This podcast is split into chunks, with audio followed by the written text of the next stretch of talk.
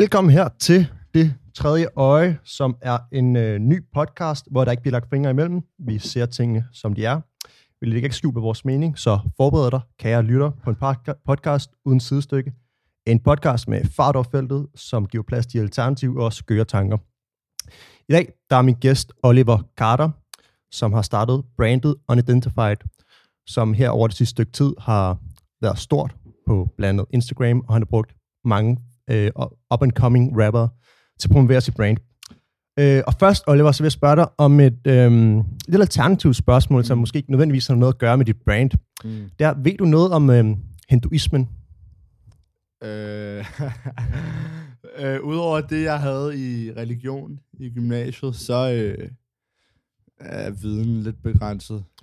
Okay, grunden til at spørge, det er sådan set, at øh, vi hedder jo det tredje øje. Mm. Og øhm, vores logo, der er sådan en lille glødende, eller kommer til at være en lille glødende prik op, mm. i, op i min pande, med et billede af mig. og øhm, det er faktisk, grund til, at vi hedder det, det er, at øhm, vi har stjålet, simpelthen stjålet det fra, fra hinduismen. Og, og det er sådan, at de, øhm, i de hinduismen, der er det sådan, at der er den her gud, der hedder Shiva, mm. som er sådan en af hovedguderne, har jeg læst mig frem til. Og øhm, Shivas øhm, kone, øh, hun stak simpelthen af med en anden mand, og så holdt han sig sådan foran øjnene, øhm, fordi han var så ked af det. Han ville ikke se noget, han ville ikke se det her utroskab, indtil hans tredje øje åbnede sig op, hvor han indså alt den, det smerte, der er i verden, og alt mm. det utroskab og forfærdelige ting, der er i verden. Men samtidig også så han klarhed jo. Mm. Han så lige frem, og han så alt det, han skulle se. Mm. Øhm, og det er det, vi prøver at opnå her. Vi prøver at invitere folk ind, som har noget på hjertet, som kan give os klarhed til vores hverdag, og som er interessant at med. Mm. Og derfor jeg har inviteret dig her i dag, fordi at, øhm, du har jo skabt det her øh, brand, som er meget nyt, og, og du har gjort tingene på en lidt anderledes måde. Vil du, vil du starte noget med at sige om bare generelt, hvad, hvad Unidentify er? Ja, altså nu, som du selv siger, tingene er gået stærkt, og vi har, vi har ikke været der i særlig lang tid. Jeg tror, øh, vi kører på 9. måned nu. Øhm, og Unidentified startede sidste år. Hvis jeg bare lige kunne få til at tale tættere på. der. Nej, bare det startede sådan, sidste sådan år. Super. Øh, er det cool nu? Ja. Dope. Jeg blev student i sommer, øhm, og havde egentlig planlagt, at jeg skulle direkte videre på uni. Du yes. ved, den klassiske, som de fleste gør. Der er mange, der tager sabbatår og så videre. Men så gik jeg ud der, jeg havde været på en fed sommerferie, og jeg var sådan, fuck, altså, det kan jeg ikke. Altså, jeg havde været i skole, det der 13-14 år, så var jeg sådan, der skal ske et eller andet. Jeg har aldrig været en rigtig kreativ type. Nej. Du ved, det har aldrig sådan forekommet, at jeg skulle gå den vej, jeg endte med at gå. Men alle mine venner har altid bevæget sig i den kreative verden. Altså musik, øh, de fleste af dem. Ja. Og det, det, det har altid været noget, jeg gerne vil være en del af. Øhm, og så var jeg sådan, hvad fanden kan jeg bidrage med? Øh, og mode har altid været noget, jeg interesseret mig for. Og så, øh, så tog jeg springet. Der var mange, der sagde, hold nu kæft, altså der gik hen til mig og sagde, prøv jeg starter mit eget brand. Øhm, så hopper jeg ud i det, uden rigtig nogen former for forventninger og ambitioner. Jeg gjorde det, fordi jeg havde lyst til det. Og så, øh, altså, så gik det bare totalt stærkt derfra. Vi lavede det første drop, øh, Concrete Chronicles, i øh, august, mellem august og september. Hvor øh, vi gik sold out på tre timer, tror jeg. Wow. Ja, Shit. Og det var ligesom det, der gav mig blod på tanden, og du ved, der begyndte at komme en masse opmærksomhed på det, og så videre. Og det var ligesom der, jeg vidste, okay, der er kød på det her. Øhm, hvis, jeg, hvis jeg tager mig tiden til det og fokuserer, så er det noget, der godt kan blive til et eller andet. Ja. ja. Øhm, nu tænker jeg sådan, at øhm, altså jeg har jo også, og min omgangsgren, jeg har slet ikke aldrig gået op mm. i særlig meget på Jeg prøvet at køre en okay stil, hvad der nu lykkes. I nu er op til andre folk mm. at vurdere. Mm. Men altså, bare i, i min omgangskreds, som ikke er særlig modeorienteret, der har man også sådan hørt lidt om det her og der, mm. folk, der går mere op i det. Mm. Så jeg synes, altså, jeg rent marketingmæssigt er ikke kommet meget ud, også til folk, der måske ikke øh, går så meget op i mode. Mm.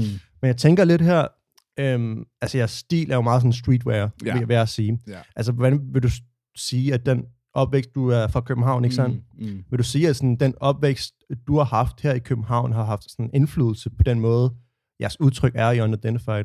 Mm, jeg vil ikke så meget sige, at det er København, der har haft præg på det. Nej. Øh, men da jeg var 14, flyttede jeg til London. Ja. Og boede i, øh, i tre år.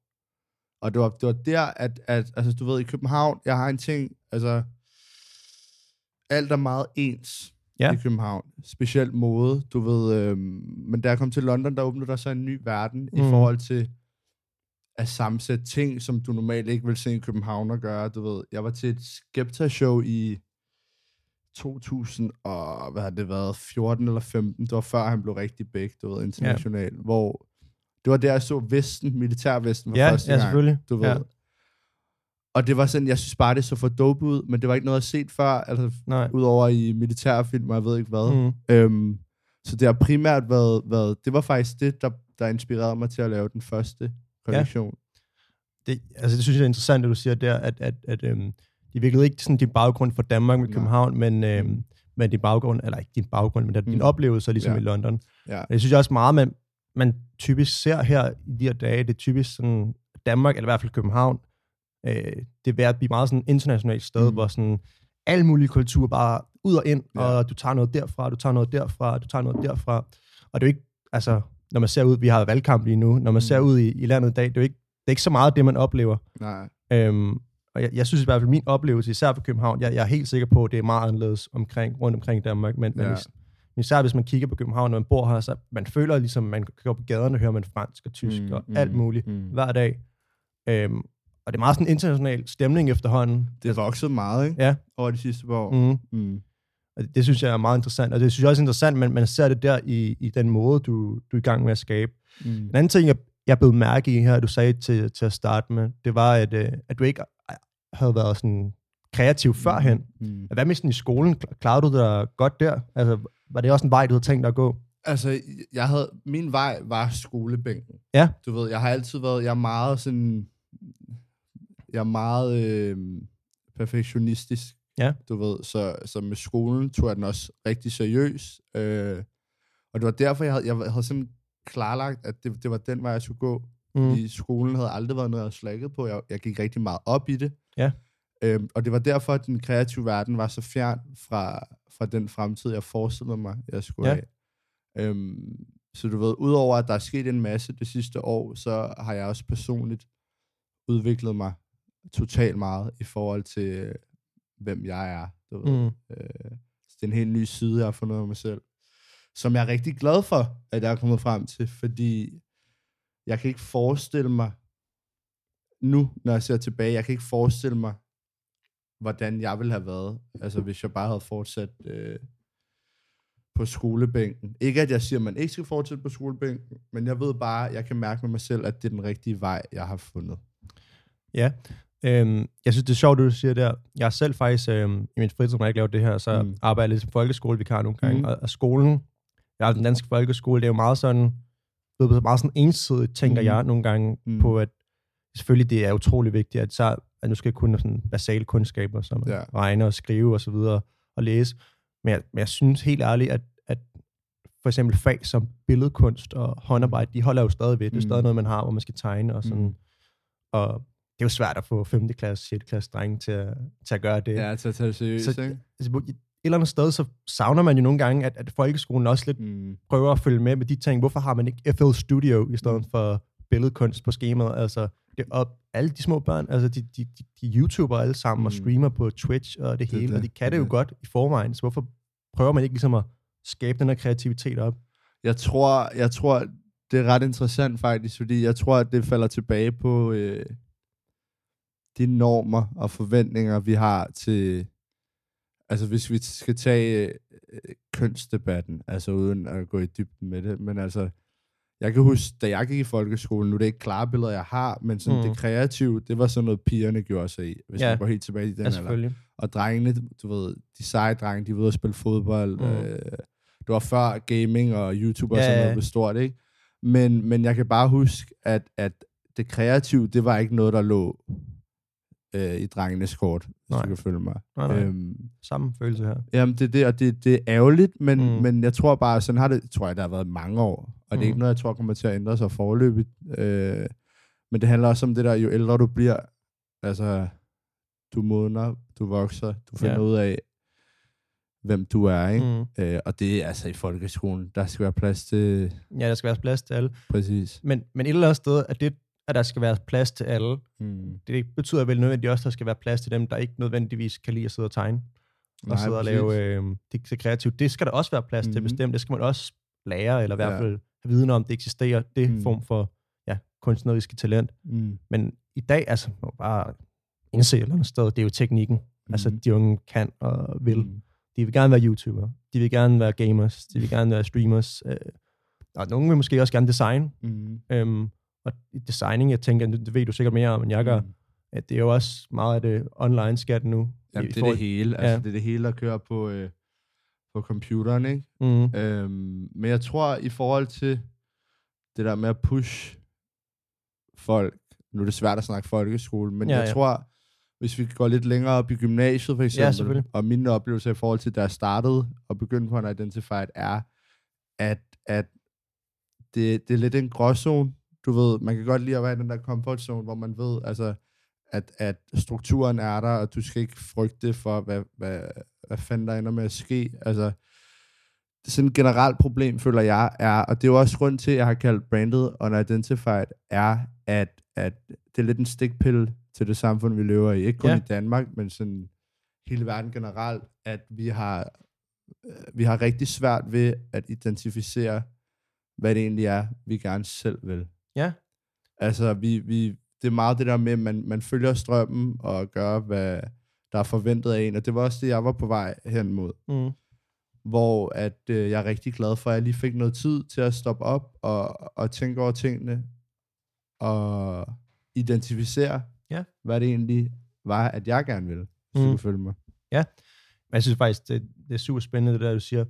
Øhm, det, altså, der kan jo se mange sider af det her. Man kan sige, Mm. helt over på, på højrefløjen af de konservative og så videre, der er det jo sådan det der med, vi skal tilbage til Mm. traditionerne, Mm. som det var engang. Mm. Der havde vi struktur. Der vidste vi, hvem vi var. Vi havde Mm. familierne, bum bum.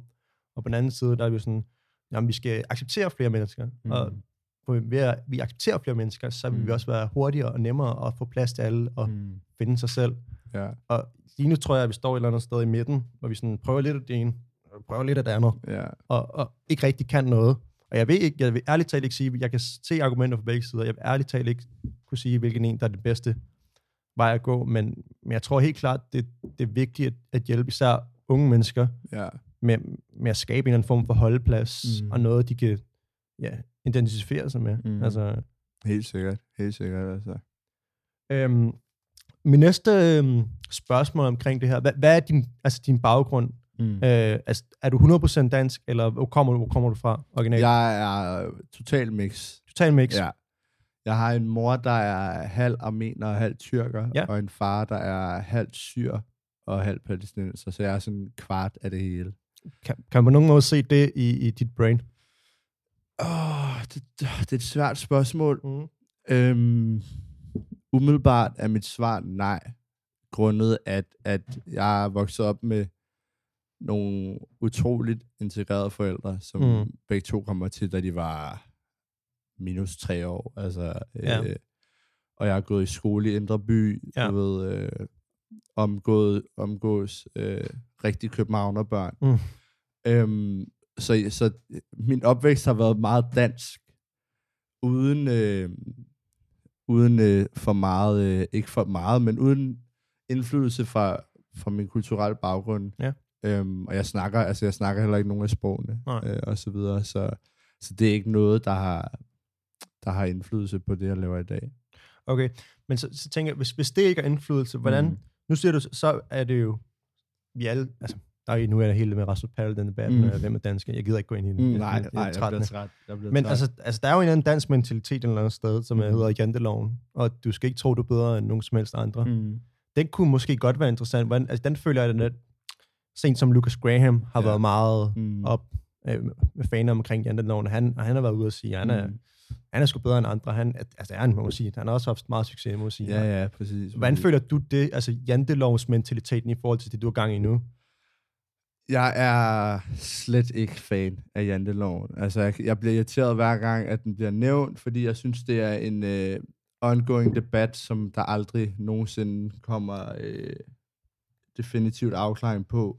Altså, men i forhold til mig og, og det, jeg laver, tror jeg, grunden til, at, at nu, nævner du netop janteloven. Mm. Grunden til, at jeg har været, altså haft mod til at sige, fuck janteloven, og gøre, hvad det egentlig var, at jeg havde lyst til, det har meget at gøre med, med det miljø, som jeg kommer i. Altså det er alle drengene, både Rose Gold-drengene og Madman Max, Flex Like Kev, det, altså det, det der kreative miljø. Ja. Altså vi anser os selv som lidt et kreativt kollektiv. Mm. Øhm, og det er båret af gejst, øh, kærlighed, men mest af alt motivation. Ja. Altså det, det, det, det er et sted, hvor vi gerne ser hinanden vinde.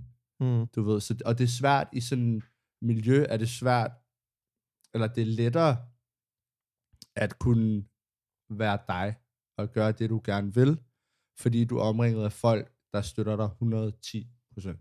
Ja. ja.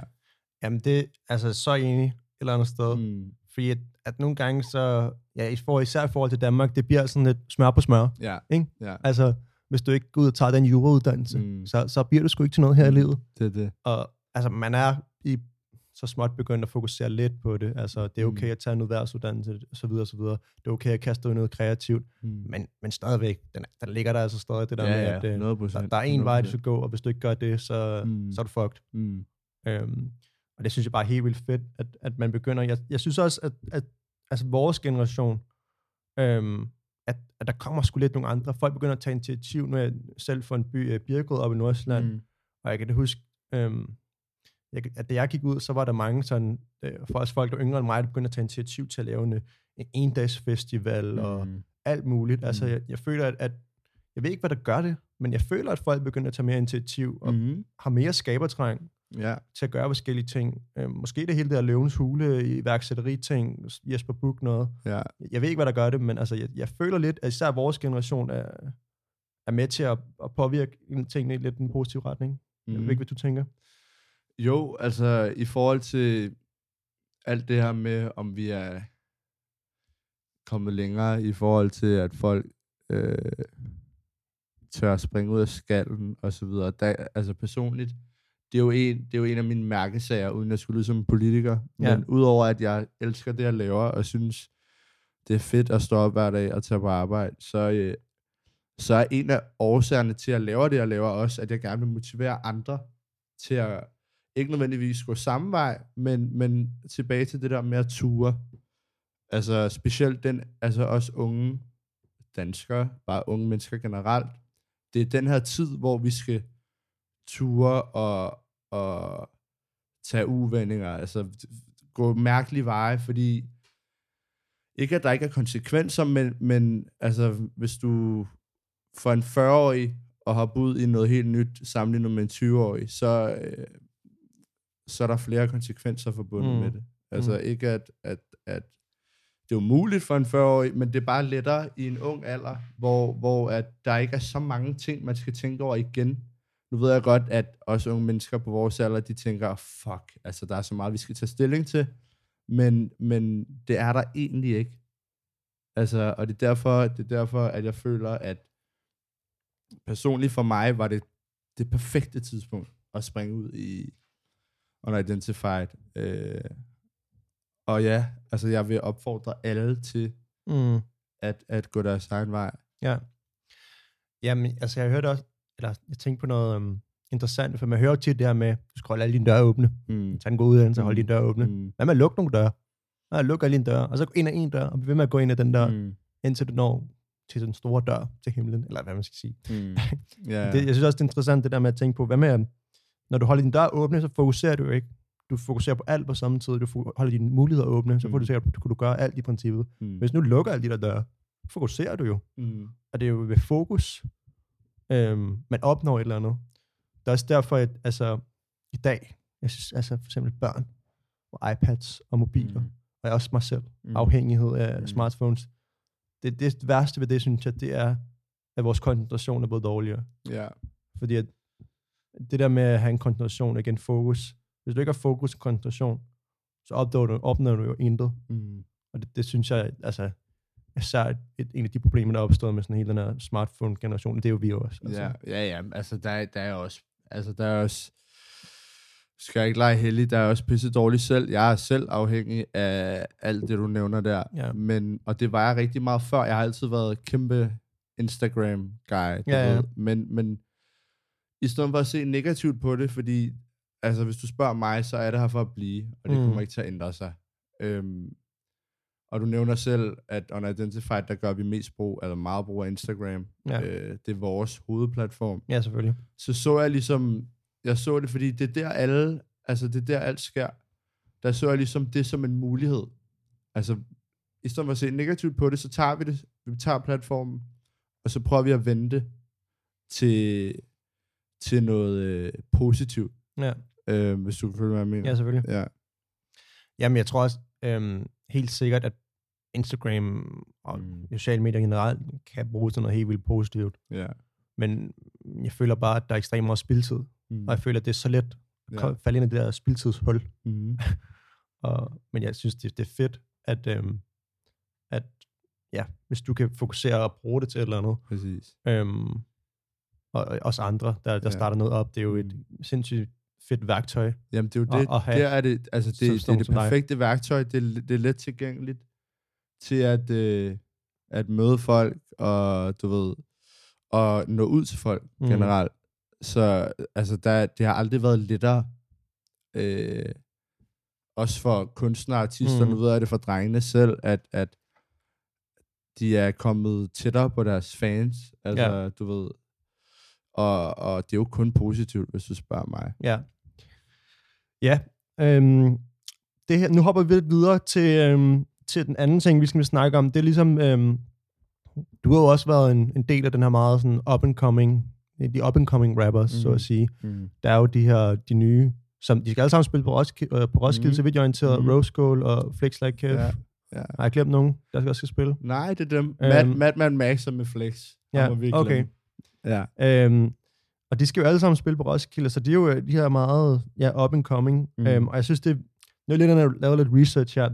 Så, så som jeg forstod det, Mm. så var det jo, at, at der ligesom har været, jeg ved, det der BLS, BLS, mm. det startede sådan lidt før det hele, agtigt. Ja, det startede op omkring med, med BUC. Da de BUC, begyndte- yes, præcis. præcis. præcis. Og så var, kom der det her MUF, eller MUF 10, Ja, Mufti. Mufti. Ja, ja, ah, Mufti. ja, ja, ja. Så sjovt. Ja. Det havde jeg faktisk ikke tænkt på. Øhm, og, øhm, og de brugte jo meget Sivas, mm. ikke sandt, som, mm. som deres promotion, og så Mhm. også andre store internationale rappers, Ja. som Kendrick og ja. hvem var den sidste? Det har været hver, ja, det er nærmest Hver gang hver gang de har- der er en øh, stor artist i Ja, Danmark. så er de brandet sammen med ja, dem. præcis. Og det kan man jo sige, at øhm, ja, det, det, det bølger du også lidt hoppet på, hvor mm. du Mm. så har været ude og vælge din, din egen, Mm. de dine venner, Mm. mm. øh, har jeg kunne læse mig frem til. Ja.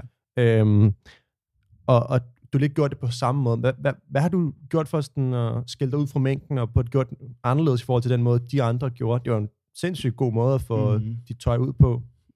Øhm, mine tanker i forhold til det i starten var ikke særlig meget skille mod for mængden. Det var mere, at, at jeg følte, hvis vi tager fat i BOC og BLS og Mufti og det, jeg følte bare, at det var ligesom,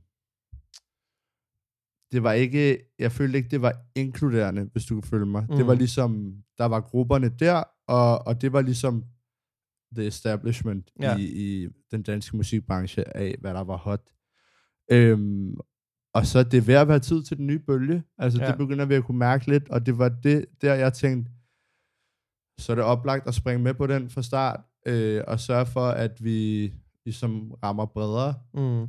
Øhm, og det var ligesom de tanker, jeg gjorde mig, inden jeg startede brandet. Jeg vil, jeg vil ikke aldrig nogensinde have startet brandet, hvis jeg ikke følte, at, at det gav mening i forhold til det, der allerede skete, ja. Hvis du kan følge mig. Øhm, men anderledes, det er meget det der med forholdet mellem at være ekskluderende og inkluderende Mm. hvor jeg har følt det, der var, uden at pege fingre af nogen, fordi. Nej. det er pisse fedt, det hele. Det var, det var, det var svært at, at, at føle, man var en del af.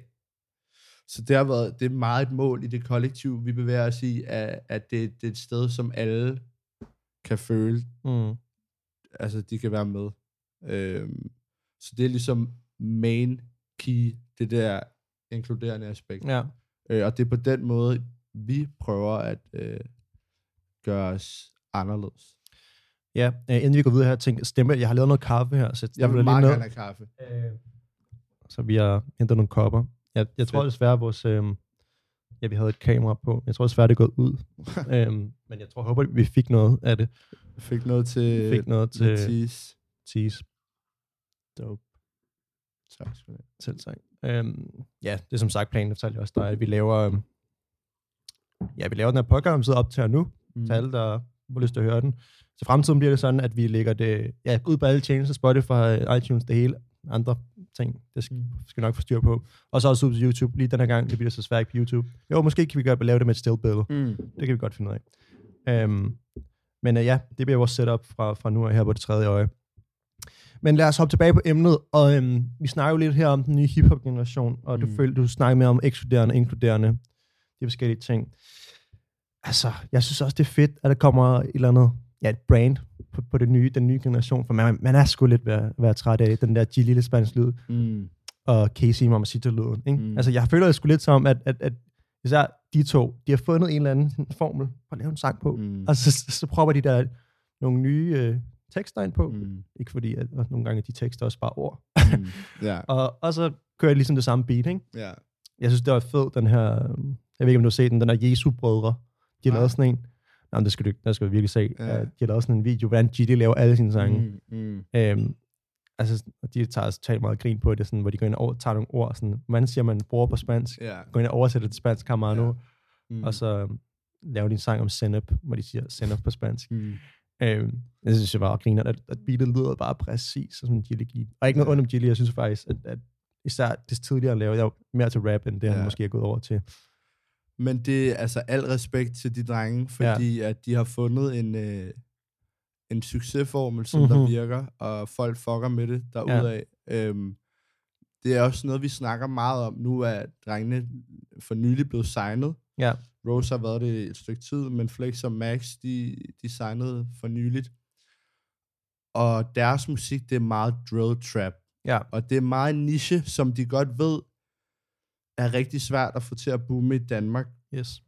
Og det vil være det letteste at gå en kommersiel vej, øh, for at træ- tiltrække streams, altså for at blive større, men, men det har vi haft rigtig mange snakker omkring, det her, at, at, at holde det 100% ægte. Ikke at Kisi og Gilly ikke er ægte, men Nej, du nej. kan jo se, at de har taget en vej fra BOC-rappen til, øh, Mm. Til de spanske lyde, som Ja. fungerer i Danmark. Ja, så ja. det er der ingen kritik imod, men, men i forhold til os og det nye og det vi laver, er det meget vigtigt, at, at, at vi holder os true til det, vi egentlig elsker at lave. Øhm, og det ved jeg med drengene, at det er meget vigtigt for dem. Altså, de får tit sendt øh, kommersielle beats, du ved, og tænker, okay, så kan vi lave en UK-banger i Danmark, lidt eller notes, men, men de er rigtig gode til at stay true. Ja. Øhm, og det er jo også noget, der gør os anderledes fra, fra den musikelite, der, der er i Danmark allerede. Ja. Men det er også, jeg, jeg tror også, det handler om ambitioner i forhold til, at alle drengene synger på engelsk. ja, ja, det har jeg lagt mærke til. Og øh, der er et meget klart ambitionsniveau, både for en Identify, men også for drengene, at, at vi skal overseas. Ja. Øhm, og det er jo en mulighed, de har, vi har, som Kise for eksempel ikke har, Nej. fordi han synger på dansk. Mm. Øhm, så det er en svær opgave, men det er en opgave, som Mm. har større potentiale i mine øjne. Ja, det falder jo igen lidt ind under vores øh, jantelovs diskussion Mm. her igen. Præcis. Men altså, jeg tror ikke, at måske bare fordi de synger på dansk, at de har tænkt, vi, vi skal kun være i Danmark Mhm. måske, eller et eller andet sted. Mhm. Men når man et eller andet sted opnår succes i Danmark, så er. Danmark sådan en lille sådan ekokammer. Mhm. Så kan du ligesom, hvis du har, du er blevet Gilly, at du er blevet Casey, Mhm. så kan du bare ligesom du, du, du Ja. pushe det musik Ja. til en evig øh, forsamling af mennesker, Mhm. som vil Mhm. høre det musik, uanset hvilket nummer det er. Det er sådan, det er sådan jeg ser på det. Mm. Og jeg synes, der er nogle fede numre mellem Adios øh, og Casey Gilly. Mm. Sindssygt fedt nummer. Ja, 100. En, en af mine yndlings faktisk. Mm. Øhm, men altså, ej, jeg er træt af det. Det skal jeg være helt ærlig at sige. Øhm, en anden ting, jeg tænkte lidt på her, nu har jeg set nogle, nogle interviews øh, med, med dine venner der, mm. Mm. Rose Gold og Flex Mm. og Kev. Der er den her, øh, nu skal jeg bare forstå dig 100% rigtigt, så altså, øh, Rose Gold kom til Danmark, da de var, hvor gamle? Jeg tror, det er ved at være 5-6 år siden. 5-6 år siden. De, de læste IB gymnasie her, mm. Mm. Øh, så de startede ikke i folkeskole her. De, nej, nej. IB. Braden, han, er, han bliver 22 lige om lidt, så han har været 16, så han kom over og startede i, på Kolding Gymnasie. Øh, og Josh, han er lige fyldt 17. Okay, Så han var en del yngre, da han kom til. yes. Så han har måske læst noget IB Ja, folkeskole. præcis. faktisk, Han må, han må have fanget det sidste Ja. af folkeskolen. Jeg har faktisk selv gået i gymnasiet, hvor der var IB, og sådan, mm. wow. De var, altså jeg kan bare huske de der IB'er, man. De læste hele tiden. Mm. De, var, altså, Mm. de var virkelig, de både den sgu. Ja, ja. Øhm, det er meget, det er sådan, det er, sådan, det er ikke, så- jeg ved ikke, øhm, man hører ikke så tit sådan nogle rapper, der har sådan læst den, den store uddannelse. Sådan. Jeg ved ikke, hvad Nej, nej, den, nej, nej. den gamle generation, vi så snakker Nej, om, har, nej. men altså, men det der IB, det, det ved jeg fra mig selv, at det er monsterhårdt. Mm. Har de snakket noget om det over, over for dig? Nej, ikke rigtigt. Altså, jeg ved, at for, for Ephraim var gymnasiet sjovt, fordi Mm. det var en helt ny verden. Ja, jeg så altså, den der dokumentar om præcis, den med den der Bull med kristne verden. Hvor at han, han nød det. Mm. Altså, hvorimod Josh, han... Øhm, Josh er en meget kreativ type. Mm. Mm. Altså, øh, altså, i mine øjne er Joshua et geni. Mm. Han producerer og synger øh, for sindssygt. Han droppede så ud af gymnasiet, Ja, fordi det var, det var bare ikke ham. nej, nej. Øhm, men vi, vi snakker ikke rigtigt om... Øh, det virker så fjernt nu, Ja, skolepenge, okay. ikke? Ja, selvfølgelig. Øhm, så det er slet ikke noget, der er på dagsordenen, Nej. når vi sidder og, chiller. Jamen, det forstår, forstår, forstår man så også godt, når man mm. har psykoseret med så meget andet. Mm. Men, øh, men så tilbage til den her ting med, de, de, de, altså når de laver interviews og så videre, ikke? Mm. så de snakker de på engelsk, mm. Men de, de snakker dansk, ikke så rose gold og så videre.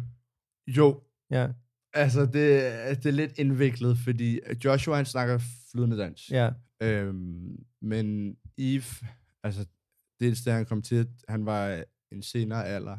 ja. Han, han, han kan godt snakke dansk, Mm. øh, men, men vores dialoger er dansk og engelsk. Okay, Han snakker engelsk, jeg svarer på dansk. griner. Ja. Øh, ja, det er ret grineren. Og så nogle gange switcher han lige over, når... Mm. Øh, helt random. Og så er der den der jyske Denglish Ja, ja. accent, som lyder for så det er sådan dansk, engelsk, jysk Ja, ja. i en stor pærvælge. Ja, det er bare sådan, det har man aldrig hørt før. Nej, nej, det det- lyder for grineren. Det er måske også bare sådan edge, man, Ja, man, ja. man kunne brande der. Altså, ja, ja, det sådan, har et eller andet. Vi er det, de dansk, jysk, engelske ja, ja, præcis, Ja. præcis, præcis. Øh, men jeg synes, det var meget interessant det der med, at, øhm, de begyndte, altså Danmark og rap scenen, de blev signet, som du selv siger. Mm. De begyndte virkelig at tage dem til, til sig, ikke? Mm. Altså sådan, jeg, jeg kender dem ikke, jeg skal ikke sige noget om, hvad de er som personer, men Nej, det er meget sådan, det er typisk Danmark, det der med at tænke sådan, bum, nu er de danske. Mm. Og de har været her, sådan, man, man, nu lavet, lavet interviews og så videre, hvor de har dokumentarer, hvor man ser, Mm. okay, hvor er deres baggrund og sådan noget. Mm. Men de er jo, nu, nu må du rette mig, Ja. hvis jeg siger forkert, men altså, de er jo andet måske sted, har været længere tid i England i deres liv, end de har været i Danmark. Mm. Mm. Ja, men på den anden side, den tid, de har været i Danmark, ja. det har jo ligesom været den tid, hvor man vokser mest, og der sker mest, mm. altså mentalt, øh, fysisk også, men, men vigtigst af alt mentalt, så, Mm. så helt klart er de blevet formet af deres tid i Mhm. England, mm. som har været en største del af deres liv, men alligevel har, har det at komme til Danmark haft, øh, nu skal jeg heller ikke snakke på deres vegne, nej, nej. men kæmpe indflydelse på Mm. mm. de personer, som de endte med at Ja, være i dag. selvfølgelig. Øhm, men jamen, jeg synes bare, jeg og tænkte over det, sådan alle de der Mm. interviews, sådan, Mm. og hvordan, øhm, det, det er også sådan, det er en fedt, altså Danmark, det, igen, det er jo et ekokammer. Hvis mm. du bliver stor i Danmark, så bliver du automatisk stor her, og så kan du Ja. ligesom bruge Danmark til at komme ud i Videre. verden Præcis. øh, på en eller anden måde. Og det synes jeg bare var sjovt, det der, så, øh, ja, nogle drenge, som måske levede halvdelen af liv i England, bum, så er de dansk, dansk mm. Rapper, Mm. der er en dansk rap scene. Mm. Det synes jeg var meget sjovt. Mm. Ja. Øhm, anden ting, nu vil jeg gerne, øh, nu snakker vi meget om rap og sådan her, og det, og især i forhold til dine, dine venner, dem har været med til at promovere dit brand. Ja. Øhm, en ting, øh, som jeg synes er fedt ved rap, også i forhold til de nye der, mm. Mm. uh, up and coming, det er, at de giver et indblik til en anden kultur og et Mm. andet sted Mm. i, og, og et andet liv på sin måde. Og det synes jeg, når man sådan tænker på rap generelt, så synes jeg, det, det, det er noget af det fede, rap kan i forhold til andre genrer, det er, Mm. at det kan ja, være med til at ændre dit, dit syn på tilværelsen, Mm. og, og også dit syn på sproget. Sivas. Prøv at tænke, hvor meget han har gjort på, på, på Ja. sproget. Ja. Jeg, jeg gik hernede ved Nordhavn station anden dag, så kom der fire perlandsdrenge. Så, så, så sagde den ene sådan, åh, min, min gis, hun redde mig den anden dag. Mm. Mm. Altså sådan, altså sådan jeg er også et eller andet sted lidt, lidt gammeldags i hovedet med, sådan, Ja. Nå, okay, griner. Ja. Sådan, hvad, hvad tænker du sådan om det? Altså, er, føler du, det er en positiv udvikling, eller, eller, eller hvad tænker du?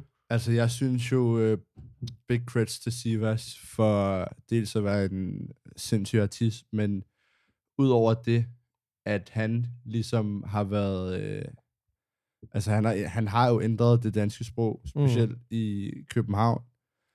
Øh, og det, det synes jeg kun, man kan se positivt på, i forhold til, at, at der ligesom er sket et mix i kultur. Ja. Øh, og det synes jeg er pisse sejt. Altså, uden, uden at skulle være bias, fordi jeg synes, Siva er så fucking fed. Men Ja. ja. altså, jeg synes kun, det er positivt at se, hvordan musikken kan have indflydelse på øh, den måde, en hel generation Ja, snakker på. ja, ikke? altså, øh, det synes jeg var sindssygt.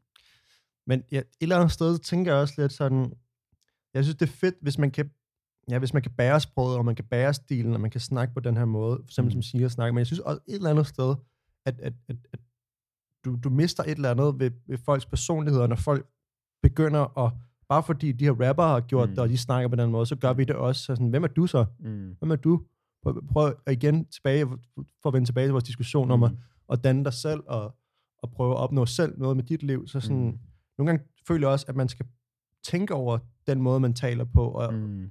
om det passer til dig. Hvad tænker du på det? Hvad tænker du om det? Jamen, sådan er det jo generelt i forhold til rollemodeller og Ja. forbilleder. Det er, jo ikke, altså, det er jo ikke noget, der kommer til at ændre sig. At hvis du synes, en person er fed, så vil du gerne være ligesom ham. Mm. Øhm, men det, jeg føler ikke, at det så meget, handler så meget om det der med, at, at vi skal være bange for, at folk alt for hårdt prøver på at være noget, de ikke er. Ja. Altså, hvis man tager, fortsætter med Siva som eksempel, så udover at det har mixet kulturerne, så har det gjort enormt meget for dem, der har samme baggrund som Sivas, altså dem, der i forvejen kunne relatere til ham, fordi jeg tror, at de i højere grad føler sig øh, accepteret. Ja. Ikke, ikke kun i nærmiljøerne, men, men sådan, hvis vi tager den helt generelt i Danmark også generelt, at se, at, at tre pære danske drenge, som du nævner, Mm. går og snakker Sivas uh, language, det, Ja, ja, ja. ja. det må være, det må være um, befriende på en eller anden måde, Ja. ja. i forhold til, at specielt for tiden, at der er så meget fremmedgørelse, af, at jeg får kvalme. Nu nævner du selv Paludan, ham skal Mm. vi ikke ind på, men, men det her med, at at det er okay, du snakker anderledes, Mm. mm. hvis du kan følge mig. Det er Ja. okay, at du, du mixer din modersmålsprog, altså uden at folk skal kigge skævt på dig. Ja. Øhm, så der er det udelukkende positivt i mine øjne, Mm. mm. den udvikling, som øh, Mr. Sivas har været med til at skabe. Ja, men jeg synes også helt sikkert, at det er ekstremt interessant, det der med, at hvis man tænker, nu kan jeg ikke huske, hvornår alt det her, 2012, 2011, det startede Mhm. ligesom.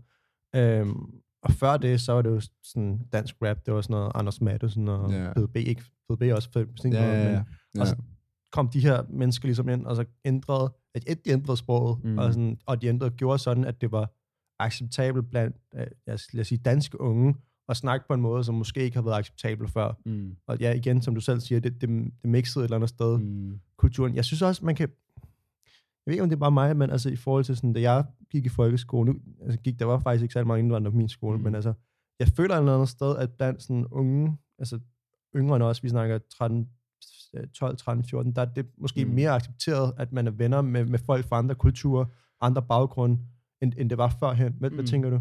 Altså, hvis jeg tænker tilbage, nu gik jeg også, jeg gik på Sølgaard skole inde i Indre By ved Kongens Have, hvor at jeg var den eneste med anden etnisk baggrund. Ja. Og samtidig gik jeg til fodbold øh, på Frederiksberg, yder Frederiksberg, hvor, hvor at vi var total mix. Altså der tror jeg, at vi var flere med anden etnisk baggrund, end vi var øh, pære danskere, Ja. som nu siger. Og, og jeg kan huske dengang, jeg tror, jeg lærte rigtig meget af den tid, fordi jeg fik både, du ved, indre by vibes, samtidig med, at jeg kom ud altså i foreningslivet med fodbolden, og ligesom mødte ja de København mennesker. på en anden Ja. måde, hvis du kan følge mig. Ja.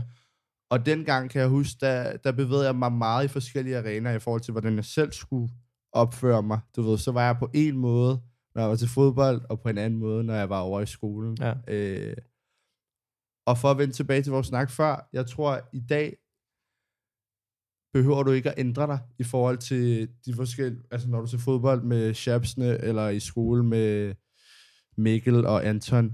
altså, og det, det, det skyldes jo netop den der udvikling, som du selv nævner, Ja, som jeg føler, rappen bærer Ja.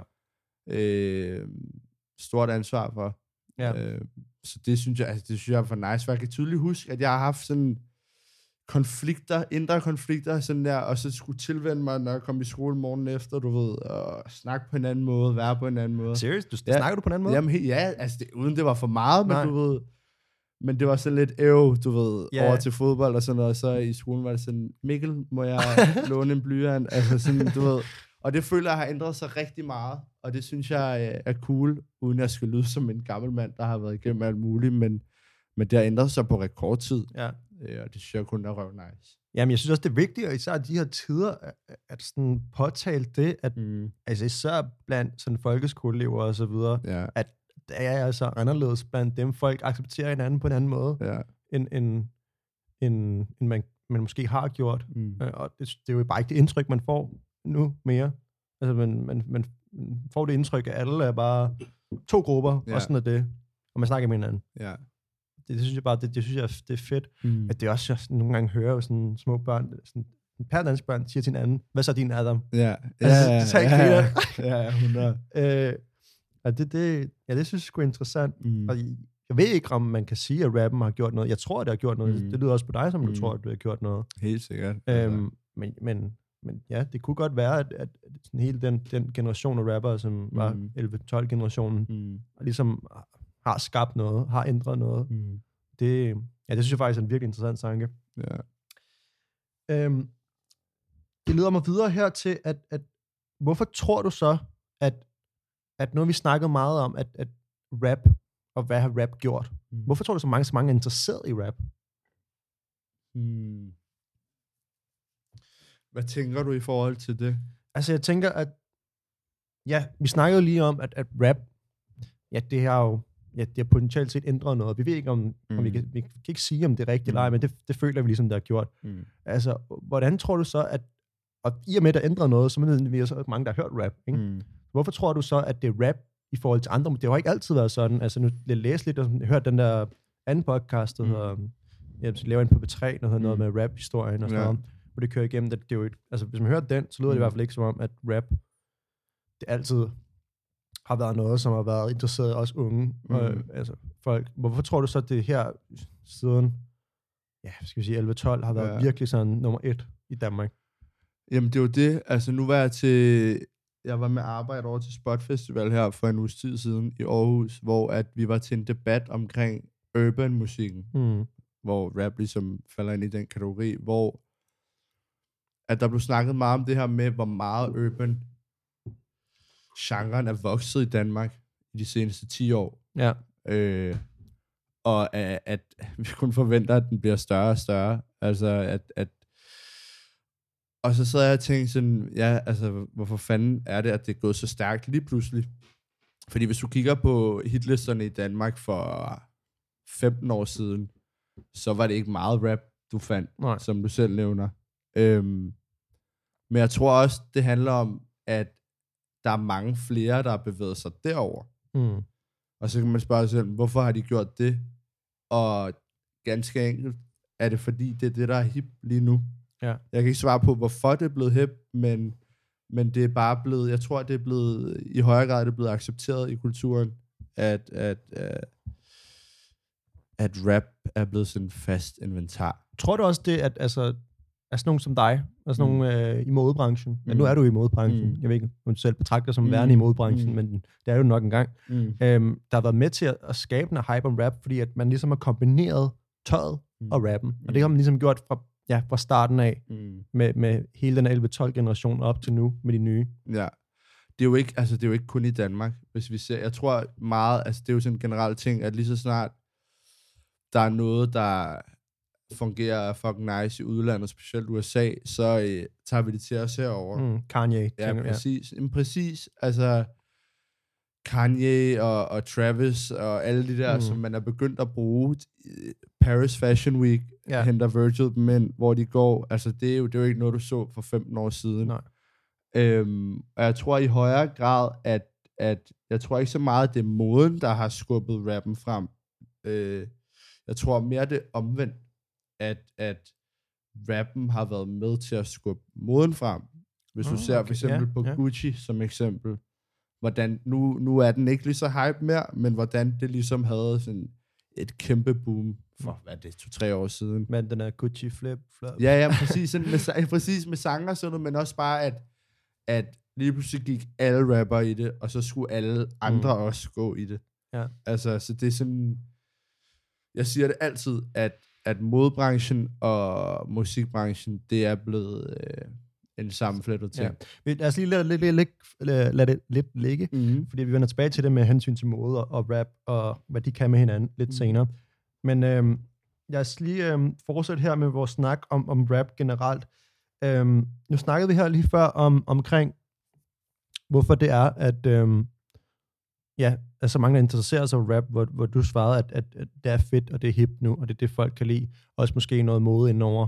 Mm. Men altså, et eller andet sted, så kan man jo også være sådan lidt djævelens advokat og sige, altså rap, det er jo også lidt at producere. Nu ved jeg godt, der er mange, der er dygtige producer derude, Mm. men altså, det er jo det er jo lettere at rappe, end at synge, for eksempel. Et eller andet sted. Tror du ikke også, det er måske det er, fordi det er så let tilgængeligt, og så let at producere, og så let at være god til det, og der skal komme så meget af det på én gang, at folk ligesom, så nu, nu, har jeg, nu sidder vi her med noget udstyr, jeg købte i Forsound, skud til Forsound, Mm. Øhm, og det er så let at købe noget udstyr efterhånden, at man kan få det til en relativt billig pris, hvis du har et øh, fritidsarbejde i Superbest. Mm. Ikke? Så kan du tjene nok penge i løbet af et par måneder til at købe en mikrofon og. Mm. købe et program, og så kan du producere, kan du være rapper. Altså, tror, tror du, der kan være noget omkring det, at der er så stor volumen på rap, at, at folk er sådan, oh, wow, der rapper rap over det hele, lad os høre det. Okay. Mm. Altså, det er 100% rigtigt, at, at der er mange flere, der er begyndt at rappe. Altså, men også bare musik generelt. Og jeg tror ikke, det er fordi, jeg tror ikke, man kan sige, det er fordi, det er lettere at rappe, fordi hvis du skal, altså, det kræver mindst lige så meget, som at være en god sanger, hvis du spørger mig. Ja. I forhold til, når du rapper, er der mere fokus på lyrikken. Altså, de tekster, du skriver, end hvis du synger en catchy sang, altså med et, med et fedt popbeat på. Øhm, så det føler jeg ikke, man kan sige, men, men du har 100% ret i, at alle, nu skal jeg ikke sige alle, men der er så mange, der er begyndt at lave musik. Altså Mm. nu øh, sidder jeg også inde på Def Jam, og jeg tror ikke, jeg, jeg kan ikke tælle på, øh, jeg tror, jeg skal tælle på fem hænder, for at svare på, hvor mange henvendelser jeg får om ugen på unge drenge, der har lavet et track og smækket på SoundCloud, som de synes, jeg skal høre. Øhm, og det er jo kun fedt. Ja, Altså, ja. det er jo kun fucking nice. Øhm, og det er jo helt sindssygt, at, øh, at det er blevet så stort, som du selv nævner, som jeg også selv nævner for 15 år siden, var der ikke særlig mange, der rappede. Øhm, så det synes jeg, jeg synes, det er røv nice og røv fedt, øhm, at, at den udvikling er sket. Ja. Øhm, ja, men det synes jeg faktisk, det, det er spændende, så det der med især SoundCloud Mm. rap. Man kan også sige SoundCloud rap, altså det er også, det kan være dårligt ved, at der er så mange, der kan gøre det på en gang, men det kan også være godt, altså, det, altså der er en hel generation af rappere, som er ligesom blevet store mm. på. SoundCloud, mm. og ved at SoundCloud rappen. Mm. Øhm, så altså, på den måde, ja, altså den har jo også nogle positive sider, der jo komme, man kan nærmest skabe nogle helt nye kunstformer mm. Via, at det bliver masseproduceret, for så er der lige pludselig et eller andet, der er godt ud i, mm. i Mhm. hele den der store masse. Jeg tror også en anden grund til, at altså, hvis- vi snakker om, hvordan det kan være, at rappen er blevet så stor, Mm. hvis vi vender tilbage til at snakke om de sociale medier, omkring at, altså bare hele teknologien, at for 15 år siden, så skulle du indspille en, øh, en øh, det ved jeg ikke, 15 år siden, men en CD, du skulle Ja. sende ind til en, som man skulle smække i for at høre. Det er jo blevet meget lettere. Mm. Altså, du sender et link, øh, du kan op, du behøver ikke det dyreste udstyr, som du også nævner, for, Mm. for at kunne lave noget fedt. Altså, det er blevet meget lettere, at, at øh, hvis du gerne vil være rapper, det er jo blevet meget lettere, mm. altså i forhold til at for eksempel komme i kontakt med pladeselskabet. Det behøver du ikke engang. Du kan smække en fed video op på YouTube. Det var det, BOC gjorde dengang. Kært. Øh, og så er det ude til folk. Ja. Altså, øh, det tror jeg helt klart er en forklaring Mm. mm. på, hvorfor det er, at, at det vokset så meget, som mm. det Mm. har gjort. Ja, så, ja, og apropos det podcast, vi snakker om på tre, øh, hvis I ikke har hørt det, så gå ind og hør, øh, jeg kan ikke huske, hvad fanden det hedder. Det hedder en, en rap Det er historie. Rap, historie, rap ja. historie. Ja. Det er fedt, især deres episoder omkring, øh, jeg tror, det er faktisk tre episoder omkring den der hele 2012 Kid-generationen, mm. Mm. hvordan altså, de startede, altså, der var en sindssyg historie, men den, hvordan de optog det der kysset med Jamel. Det var faktisk Mm. noget med, at de havde, at de skulle have lavet en anden video, hvor de alle, sådan, alle sammen sådan, Top Gun, og alle sammen skulle have været inde over. Mm. Men så fordi at Top Gun tror jeg, trådte på et søm, ja, tror han trådte på et søm, Uh. jeg kan ikke huske, var Top Gun. Jeg er rimelig sikker på, at det var Top Gun. Jeg trådte på et søm og fik det op i foden. Og så, øh, så kunne han ikke være med i videoen. Og så havde jeg vidst, at jeg hedder Nicolas, jeg ham Mm. mm. kid. Øh, han, han havde lavet den her sang, og øhm, og vi optager bare den, og vi har kameraet nu, og vi har det ikke i morgen. Og så, så lavede Kød som et smelt optog de der. Han har faktisk også, vi var inde og tjekke det, han har i videoen, står han med det åndssvagt bræt med sømmet i. Gør han det? Ja, ja. Ah, fuck, Øh, man. Altså, det er jo totalt tilfældigt, hvordan de ligesom startede hele Mhm. den der bølge af YouTube Mhm. og SoundCloud i Danmark. Danmark Ja. vil jeg mærke. Ja. Altså, at det var noget med, det var et søm, der ligesom afgjorde det hele. Mhm. Og så sådan, efter det, altså det var især Kødsemaskinen, som ligesom var det første sådan, store danske YouTube-rap-fænomen. Mhm. Og hvordan det ligesom efterfølgende bare sådan exploded helt op til i dag. Ikke? Ja. Men øh, ja, jeg synes, det, det er virkelig interessant, hvordan man kan, ja, rap bliver produceret i dag i forhold til så 15 år siden. Mm. Øhm, en anden ting, jeg tænkte på i forhold til, til rap, og hvorfor det er større lige nu end, end, end andre genrer, øhm, det er, at det måske har nogle følelser og nogle udtryk, som er lidt sværere at udtrykke i andre genrer. Mm-hmm.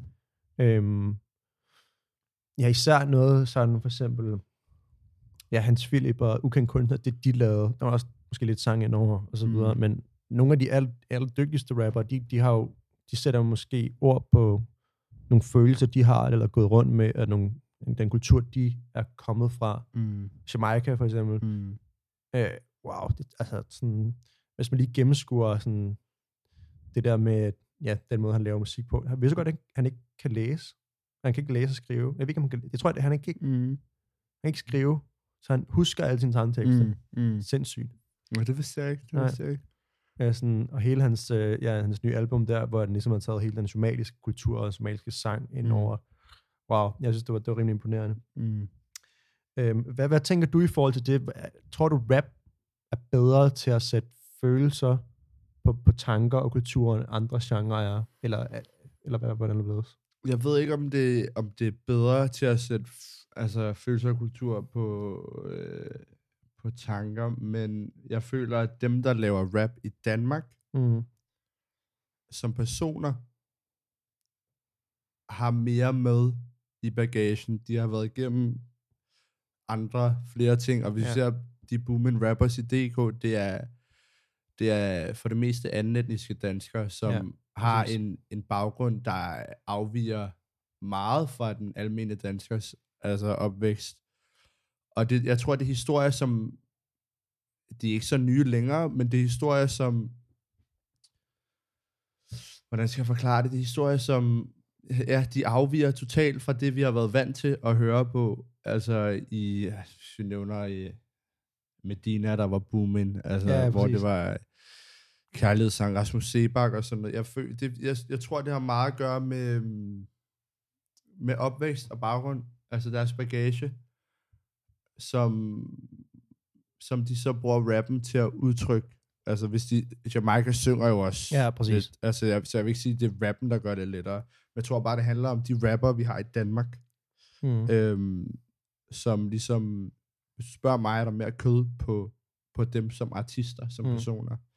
Og det er derfor, jeg føler, at, at, at det er mere spændende at høre Mm. en rap-sang, end det er at høre en, en pop-sang, der handler om at Ja. få sit hjerte knust. Altså. Jamen helt sikkert, men man skal også tænke på, at det er jo et eller andet sted, at det ikke er et nyt fænomen. Altså Nej. det skete jo uh, Tupac dengang. Altså Mm. i USA har du altid været sådan de sorte, Præcis, de præcis. sortes musik, og det er jo mm. Mm. bare et eller andet sted, i og med, at, at flygtninge indvandrere at, at er noget et eller andet volumen i Danmark, så at deres uh, kultur, sådan, på, Mhm. på den kan sige, det er måske, ja, altså, altså den del af Danmarks måde at udtrykke sig på via musikken. Det, det er korrekt. Altså i USA har vi jo set det i, i mange år, men det er jo først nu, hvis vi skal kigge på en tidslinje, hvor Mm. de første fremmedarbejdere, de kom til Danmark i 60'erne. 60'erne, 70'erne, ikke? Hvor at den første sådan der, altså anden generationen, det er jo, det er jo Sivas og drengene, mm. altså hvis vi tager fat i dem, de, Ja. ja. nu er de nået den alder, hvor at de kan fortælle deres historier, og det, altså, det passer jo fint med, at det, at det først er nu,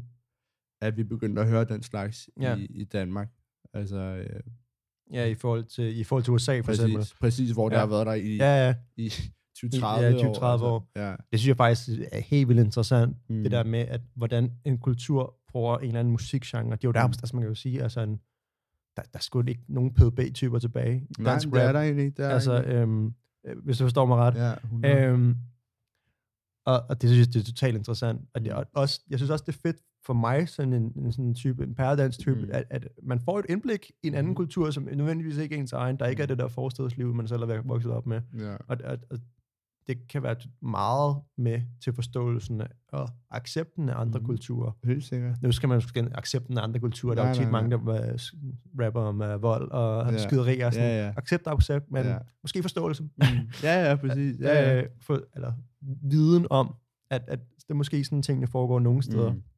Kan være enig eller ej i, at det sådan skal fortsætte med at foregå, men det er en anden diskussion. Ja. Nå, men lad os hoppe lidt videre. Lad os gå lidt fra rap, væk til rap, og så lidt tilbage til modeverdenen. Vi var lidt inde på det før.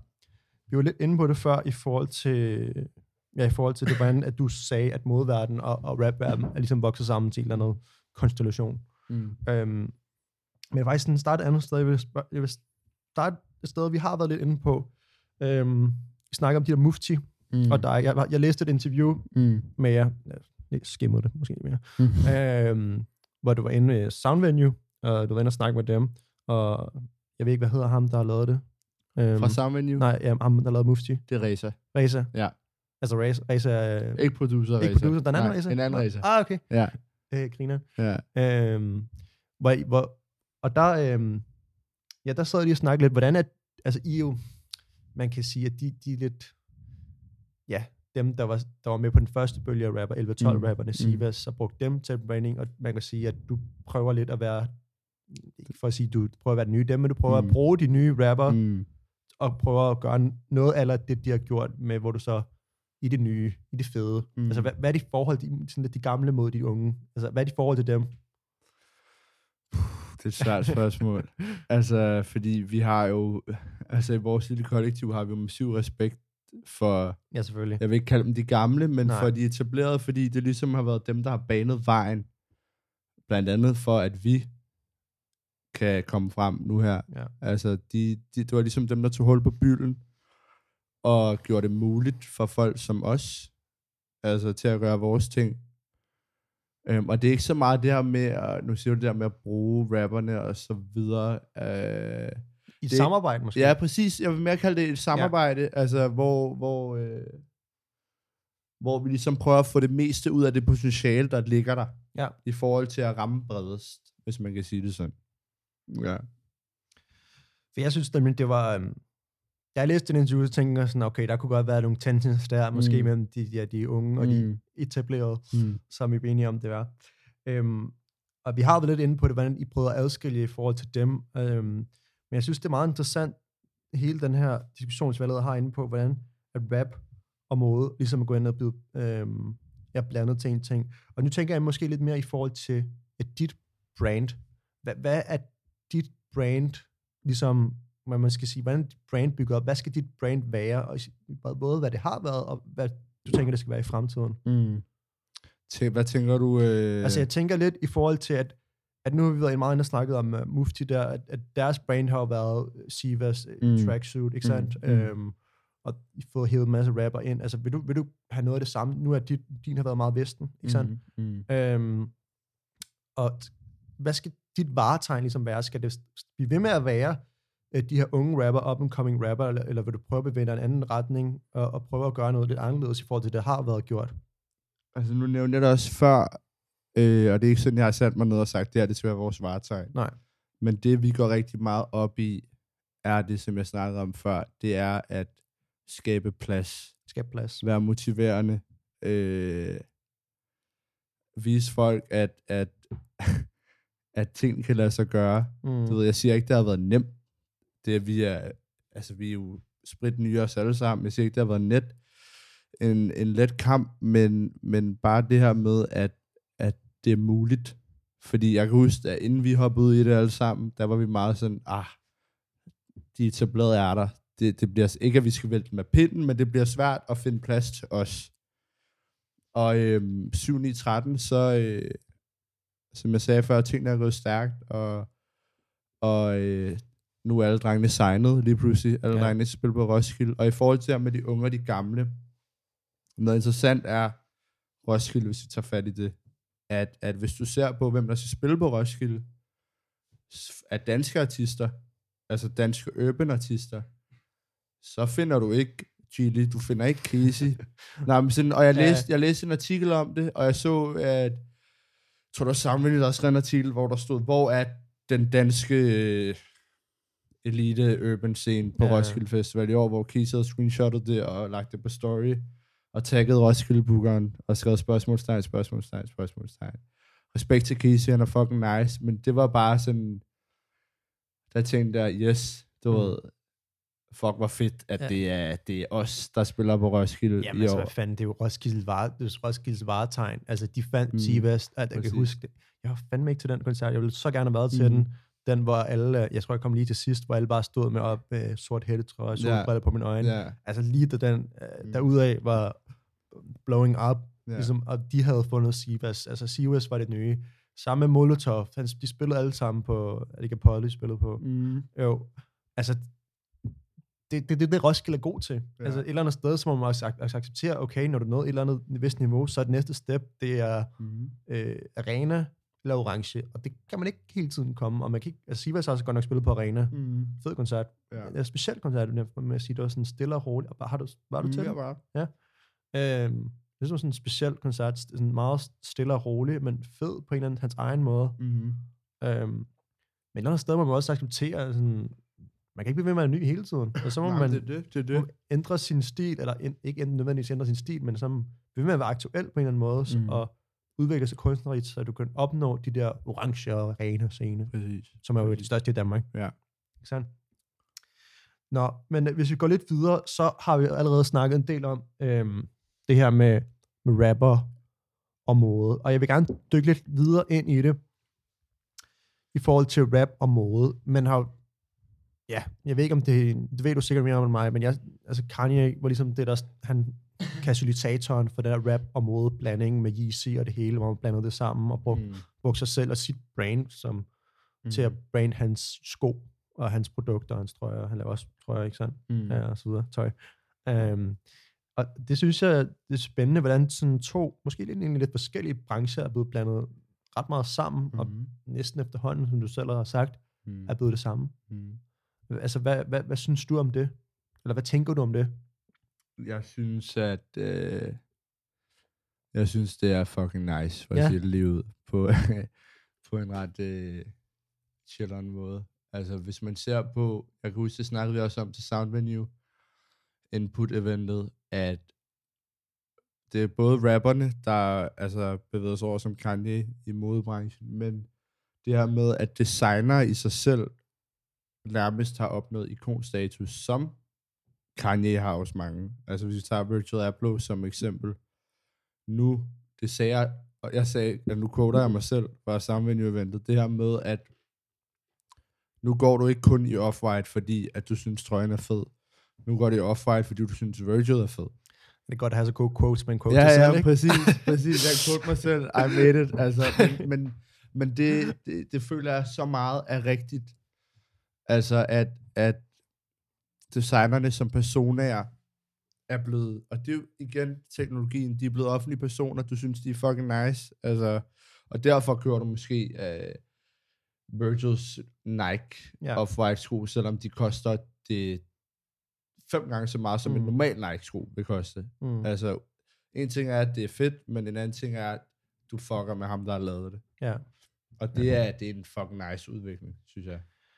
Ja, men, men igen, hvis man skal se lidt på det på sådan en anden, ja, anden syn på det, så er det altså det her med at køre rap, altså køre rapper og rap, nej, slå køre rap og mode sammen, Mm. og så få skabt nogle produkter, der er så fede, at folk må betale vildt mange penge for det, og mm. et eller andet sted er det nice go, ikke? Mm. Men at det taler måske også lidt imod noget, som sådan sker i vores samfund, hele den der forbrugskultur nu, i valgkamp, hvor klimaet bare er nummer et. Mm. Øhm, jeg synes, det, det er sjovt, hvordan de to ting sker på samme tid. Samtidig vil vi gerne have, at vi skal forbruge mindre, vi skal være mere opmærksomme på, hvad vi køber.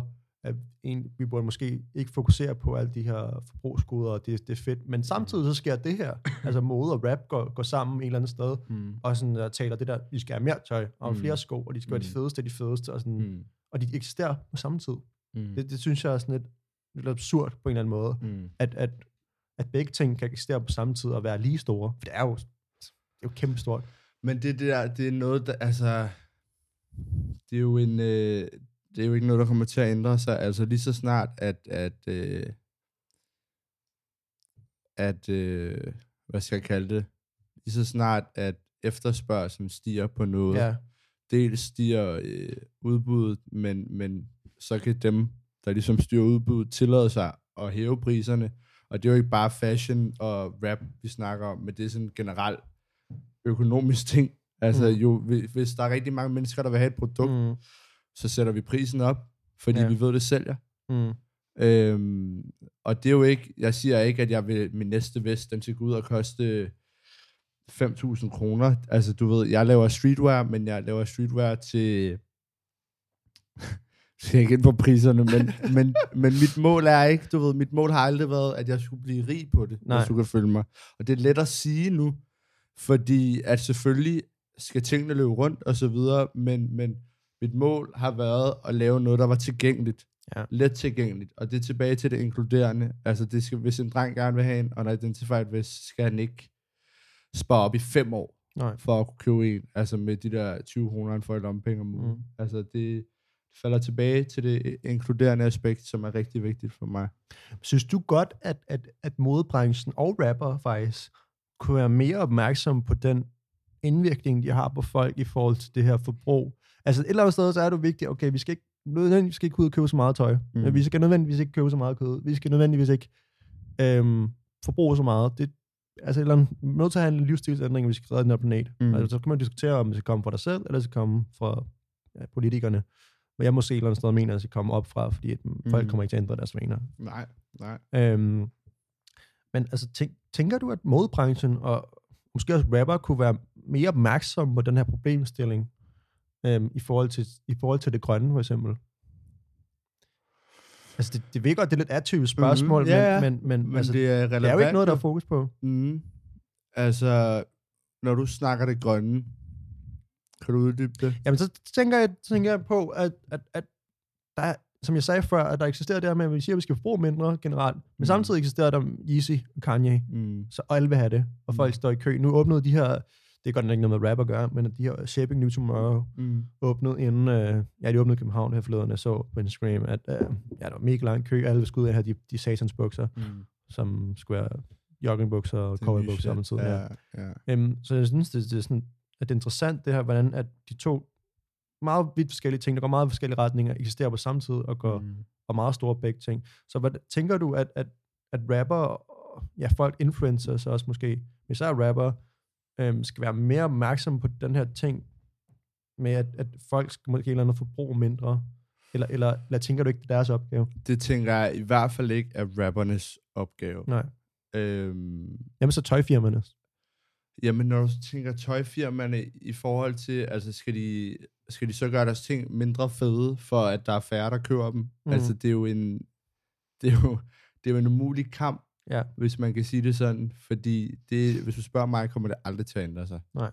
Øhm, men det, det er interessant, altså det er en, øh, en interessant vinkel, fordi i forhold til, nu snakker du om det her med overforbrug og så videre, men, men hvis vi tager en politisk drejning, så, så, så er det ikke i, i, øh, i rapperne eller tøjfirmaernes, altså det er ikke deres ansvar, det er heller ikke i deres interesse, Mm. hvis du spørger mig. Så, så det, det, det er noget inde på borgen, hvor ja. Der skal altså det, det kræver strukturelle adfærdsændringer. Ja.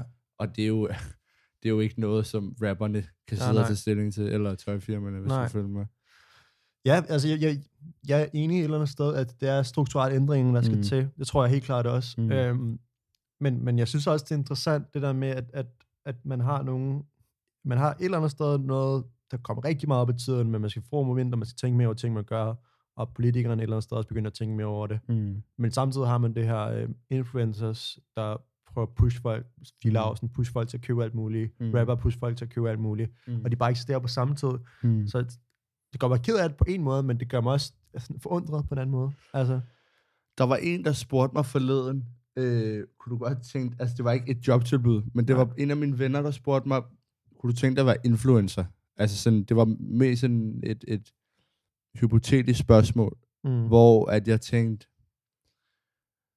det, det, det her med ordet influencer, jeg føler, det, det er misbrugt, fordi at jeg fucker ikke med stor respekt til dem, der er gode til deres ting på Instagram, altså, og, og make a living out of it, men, men, men jeg, jeg fucker ikke med det. Jeg synes, at det er, det er, jeg vil ikke være grov og sige falsk, men jeg føler, at det er alt for langt fra den verden, vi lever i, fra realiteten. Og så sad jeg og tænkte, altså, jeg vil gerne være influencer, men jeg vil ikke være influencer, der reklamerer for ting og skriver hashtag sponsoreret. Jeg vil gerne være influencer på den måde, at jeg rent faktisk influencer folk Mm. i form af at motivere dem Mm. til at træffe deres egen valg, som vi Ja. snakkede om. Altså på den måde. Øhm, og det, jeg, jeg føler bare, det var et rigtig interessant spørgsmål, som jeg lige skulle tage stilling til, fordi, fordi at jeg føler, at influencerordet er blevet misbrugt. Ja, altså det, jeg ser influencer, så jeg helt ærligt ser det som, at, at hvis du er influencer, så er du kørt og betalt et eller andet Mm. sted. Mm. Fordi et eller andet, at være influencer, du skal, når jeg ser influencers ude på sociale medier, så, så er det jo tit, de pusher et eller andet produkt, Mm. eller de sponsorerer, øh, for eksempel Rasmus Brohave, Danmarks største YouTuber, Mm. Jeg ikke utal på, hvor mange gange jeg har set ham betale af rådet for sikker, sikker trafik, betale Mhm. af de der, der er en eller anden statslig organisation, Mhm. der vil gerne have folk til at, I don't know, Mm. slukke lyset.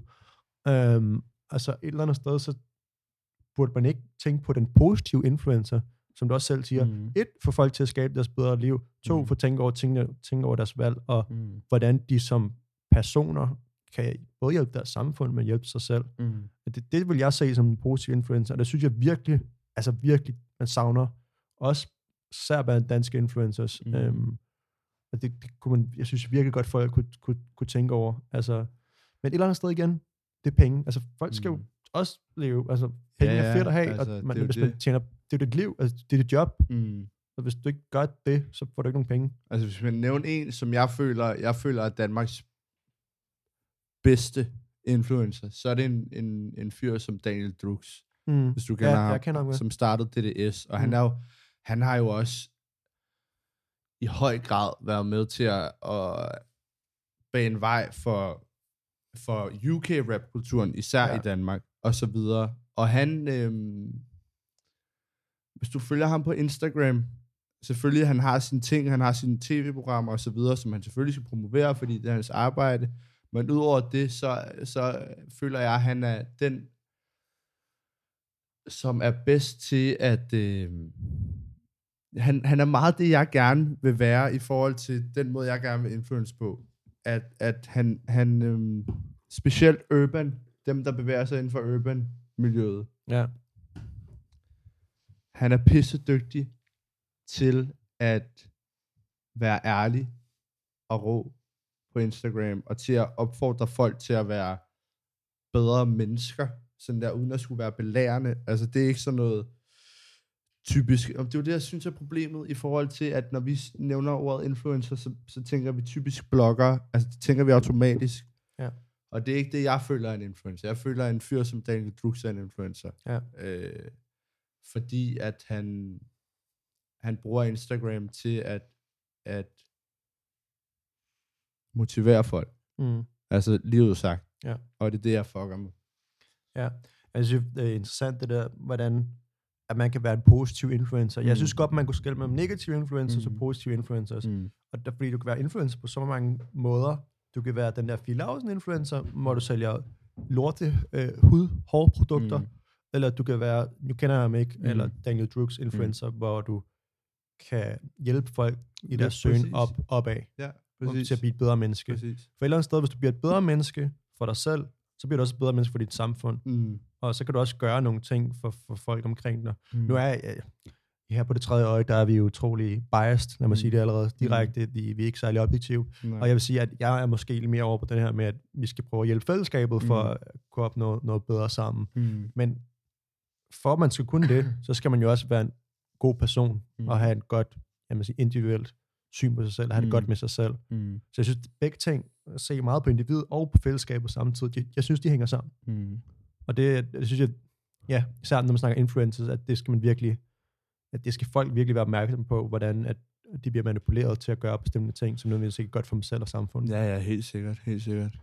Nå, lad os holde lidt, hoppe lidt videre og fokusere lidt mere direkte på dig, og, eller på dit brand. Mm. Øhm, så Samvand jo skrev en artikel om dig, ikke sandt? Mm-hmm. Øhm, hvor øhm, ja, de fortalte lidt om den måde, du har promoveret på. Det har været meget inde på. Mm. Du Mm. har samarbejdet med forskellige up-and-coming rappers til at promovere dig, dit brand. Øhm, en metode, som blandt andet også er kendt for Beats by Dre, Jimmy Lovin, Dr. Dre, Mm. jeg brugte den. Altså, hver, jeg hørt så en dokum- dokumentar om, hvordan de startede det der med, at ham der Jimmy Lovin, produceren, bare hver gang de havde nogen kendt en musikvideo, whatever, tog de et billede, mm. Smed det ud. Mm. Og det var sådan, altså, det var sådan Beats by Dre bekendt. Ja. Jeg ved ikke om det er den bedste, jeg tror ikke engang, det er den bedste høretelefon, der findes. Nej, nej, Ja, nej, det er meget Altså, brandet, det er ikke? jo brandet, ikke? Mm. Og det synes jeg er utrolig interessant, og det er jo også noget, du har gjort Mm. med dig og dit brand. Øhm, så, så Oliver, tænker du i virkeligheden, at, at du har, har kendt de rigtige mennesker på det rigtige tidspunkt, og derfor er du blevet et godt brand, eller synes du i virkeligheden, at du har det bedste tøj? Jeg ved ikke, om det handler om, at, at jeg har kendt de rigtige mennesker på, de, på det rigtige tidspunkt. Fordi de mennesker, jeg har kendt, da, da vi startede det hele, altså vi startede alle sammen fra det samme sted. Ja. Øhm, men, men det har helt sikkert haft, haft indflydelse på, at, altså grunden til, at Unidentified er stort, hvis jeg skal prøve at gøre, eller ikke er stort, hvordan jeg sige, at det har haft succes indtil videre, handler om, det er jo ikke fordi, vi har opfundet den dybe tallerken. Altså, de første veste, vi udgav, dem bestilte vi for et militært overskudslager og trykte dem Ja, selv. det læste jeg godt. Altså, det, var, det, var, ja. det var fedt. Præcis. Altså, det er jo ikke fordi, at vi har været revolutionerende på den måde. Nej. Men det har meget handlet om brandet. Mm. For mig har det været vigtigt at, at skabe en ting, som folk fucker med, så meget, at de, de gerne vil være en del af det. Altså, hvis du kunne følge mig. Ja. Du ved, igen, det er inkluderende. Så, så en ting er produktet, men brandet er mindst, hvis ikke Mm. vigtigere end, end produktet den dag i dag. Det synes, ja, altså, og det synes jeg faktisk er, det er sjovt, det der med, at i dag et eller andet sted, så er man jo, ja, brandet på de forskellige ting er måske lidt vig- vigtigere end produktet mm. Nu til dags. Mm. På grund af også sociale medier mm. og. Instagram og så videre. Om det er en positiv ting, det skal jeg ikke være en klog, gøre mig klog på, men, men altså, jeg synes, det, det er interessant det der med, at brandet på forskellige ting mm. er Mm. blevet vigtigere end produktet. Men det, det der i forhold til, om det er en positiv ting, det handler meget om, hvordan du vælger at, at, at formidle det. Altså sådan gøre brug af dit brand. Mm. Det er jo det, altså, du kan sagtens have et fedt brand, som folk fucker med, fordi Mm. mm. de rigtig går i det. Men det er der, at jeg har prøvet at have rigtig meget fokus på, at der skal være noget mere i det. Altså, det skal ikke bare være fordi, at, at ham jeg havde det på, at, at han vil have det, men at det skal være en helt følelse af, at, at, øh, altså, at du gerne vil være en del af det, fordi du føler for det. Fordi du fucker med viben, og du fucker med energien, og også fucker med de mennesker, der er en del af det.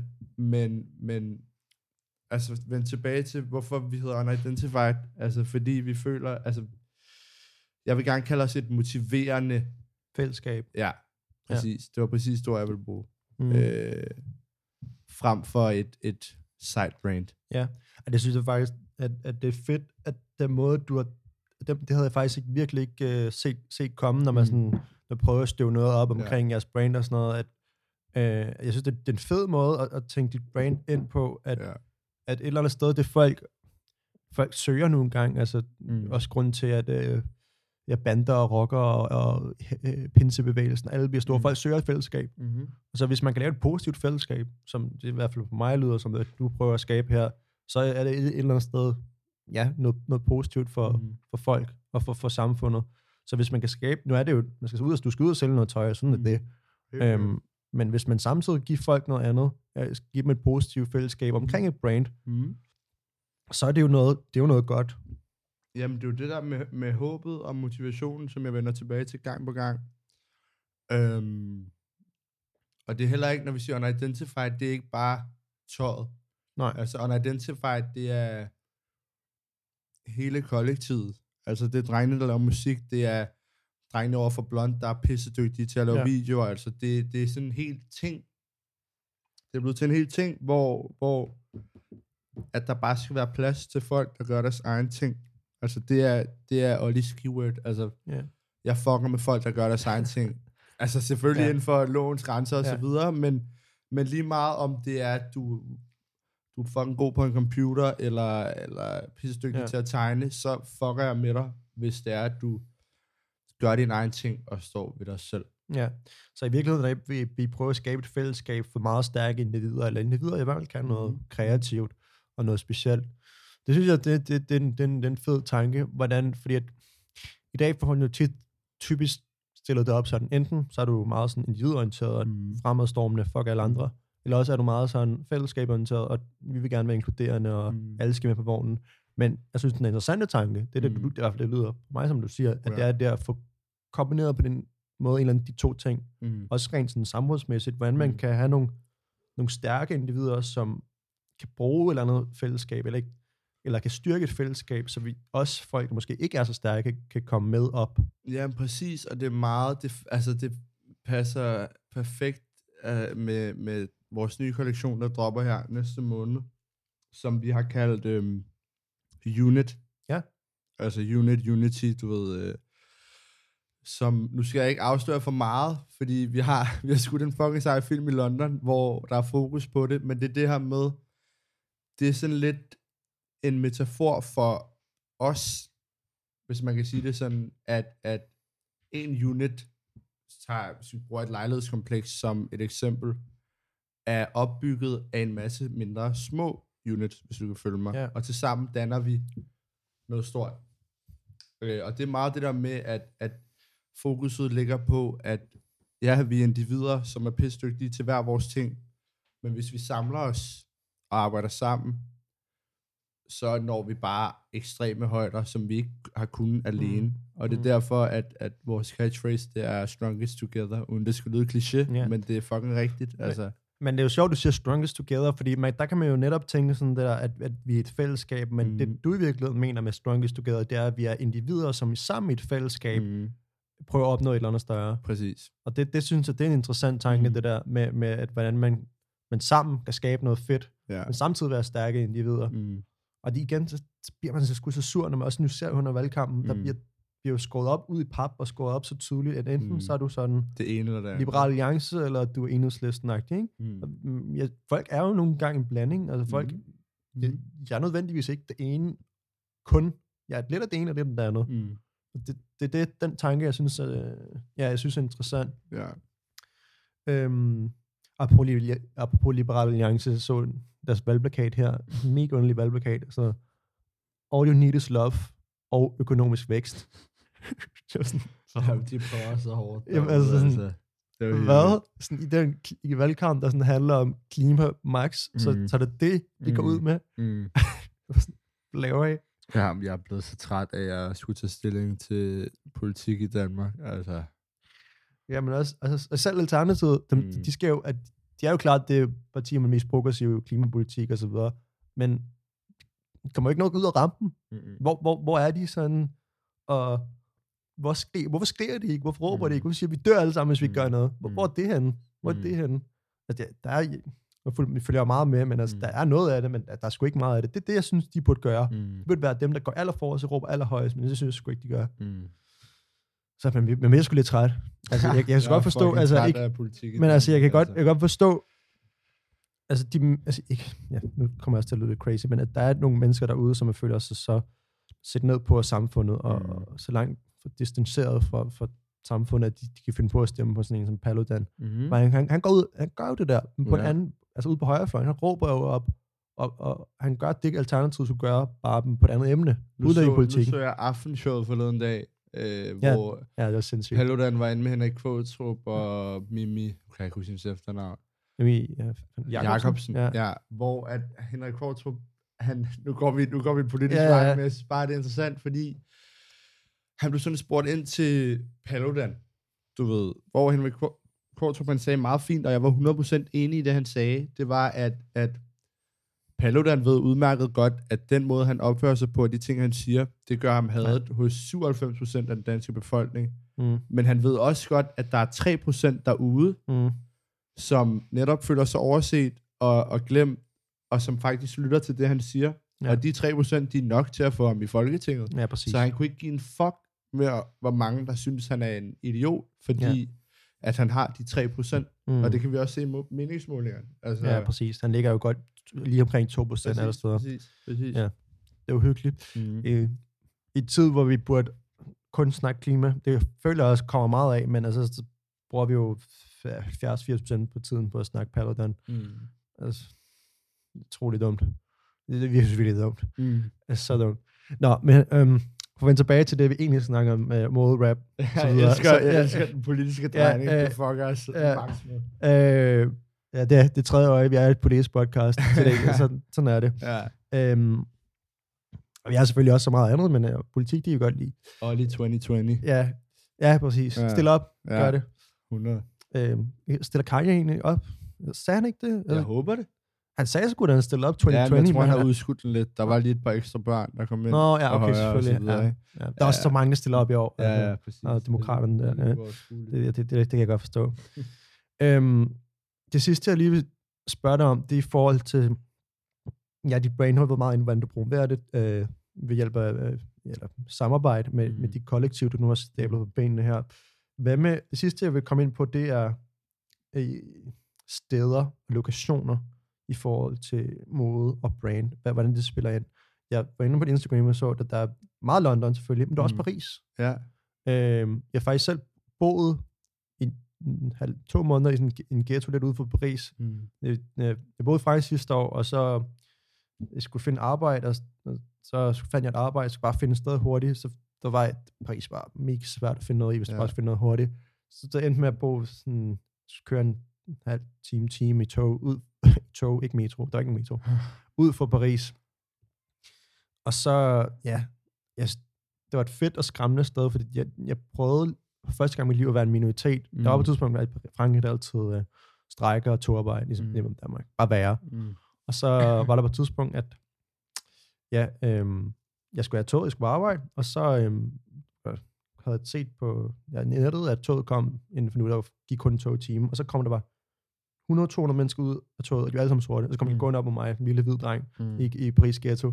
Det var, en, det var en syret oplevelse, men også en speciel oplevelse, mm. og, og ja, et eller andet sted, det jeg prøver at sige, hvordan kan man bruge øh, altså de her specielle steder, som både eksisterer i London og Paris, til at brand sit, sit, sit brand med? Jeg ved ikke, om der ligger øh, noget særligt dybt i det.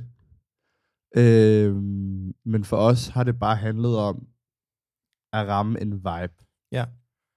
Ramme en vibe af noget outcast og noget anderledes mm. end en model, der står i et fotostudie med øh, makeup i fjeset og tøjet, der står og bliver dampet. For os, for os er det vigtige budskabet 100% hele vejen igennem. Og derfor er det vigtigt for os, når vi tænker, okay, hvordan, for eksempel hvis vi skulle lave en kampagnefilm, da vi sad og skulle lave den, sad vi med Blond og snakkede om, hvordan gør vi det her? Hvor London, det var ikke på i kortene til at starte med, hvor at det blev foreslået, og så tænkte vi over det som sådan, hvorfor ikke? Altså dels er der en statement i at tage til London og lave en kampagnefilm som nyopstartet brand, fordi det er, der ikke, det er ikke alle, der kan det. Nej. Så det, på, en, på en måde siger det lidt om, hvor langt vi er kommet Ja, på hvor ja, kort tid. ja, yes. Men på den anden side er, altså jeg snakkede også om det i starten, London, det er, altså Unidentified har båret kæmpe præg af London. Ja. Så der ligger også noget symbolsk i, at Mm. mm. vi er taget derover for at, at filme kampagnefilm. Ja, jeg synes i hvert fald, når man sådan går ind og kigger på jer på nettet, og synes faktisk godt, I kunne gå lidt med jeres hjemmeside. Mm. Jeg, var Mm. lidt, jeg var inde på den. Mm. Mm. Jeg, var ikke sådan, jeg var ikke sådan imponeret. Instagram Nej. er fedt. Men den er jo nede. Er den nede? Jamen, var det, du, du kom ind til et stort billede, ikke? Jo, tror jeg. Jo, det jo fordi, mellem dropsene, Ah, så bliver det teknisk, så lukker vi hjemmesiden ned. okay. Ja. Okay, på den måde. Ja, Ja, ja. det ja. er faktisk ikke. Nå, men, øh, men altså, igen, at vende tilbage. Øh, Ja, stilen er gennemført, med at Mm. mm. sige, og især, især i forhold til Instagram, I kører. Det er også derfor, jeg, altså, jeg kontaktede dig, Mm. mm. og jeg synes, at det er fedt, det I gør. Mm. Det er, at I gennemfører det hele. Mm. Altså, vi rapper, altså fra London, eller i hvert fald rapper med Mm. mm. britisk, britisk Mm. accent og sådan, Mm. den har inde over tøjstilen. Ja, også lidt engelsk, så videre, London. Mm. Mm. Eller jeres egen, kunne man måske også sige. Mm. Øhm, men i hvert fald, det hele hænger godt sammen. Ja. Og, og det er også derfor, jeg tror, at, at, at I kunne gå hen og, og gå, gå langt med, Mm. med, med det her. Især måske med håb øh, for dig, dit brand, at, at de her, de her rapper også kommer op og coming. Mm. Men Mhm. ellers er der jo lidt mere øh, Ja, ja, større byrde på, 100%, på, på dine 100%. skuldre, hvis, ja. hvis øh, det nu ikke skulle lykkes. Men det Mm. tror jeg nok, det tror jeg nu, det gør. Jeg synes også, det er noget fedt musik, faktisk. Ja. Øhm, men jeg tror faktisk ikke, at vi har så synligt meget mere, mindre du har noget, du har noget at sige. Øhm, så vil jeg bare lige her afslutningsvis sige til, til jer, der sidder herude, hvis I vil støtte os, så kan I gå ind på øh, det, der hedder Indiegogo slash det tredje øje. Eller, øh, jeg lige, ja, prøv at søge på det tredje øje og se, hvad der sker. Jeg er rimelig sikker på, at det er det, man søger på. Øhm, ellers så linker vi til det alle steder, vi kan. Og hvor man kan gå ind og støtte os med ja, en donation, så vi kan udvide vores produktion og så videre. Øhm, jeg arbejder jo altid på at blive bedre. Hvis du har noget interessant at sige, eller du føler, du har noget på, eller du har lavet noget interessant, og du, du føler, at du har noget interessant, endelig skriv. Vi er åbne over for henvendelser. Øhm, og øhm, til slut vil jeg bare sige tusind tak, fordi du kom. Jeg synes, det var fedt, at vi kom ind øh, på nogle fede emner og så videre. Nice. Ja. Det var fedt, I ville have mig. Det var så lidt.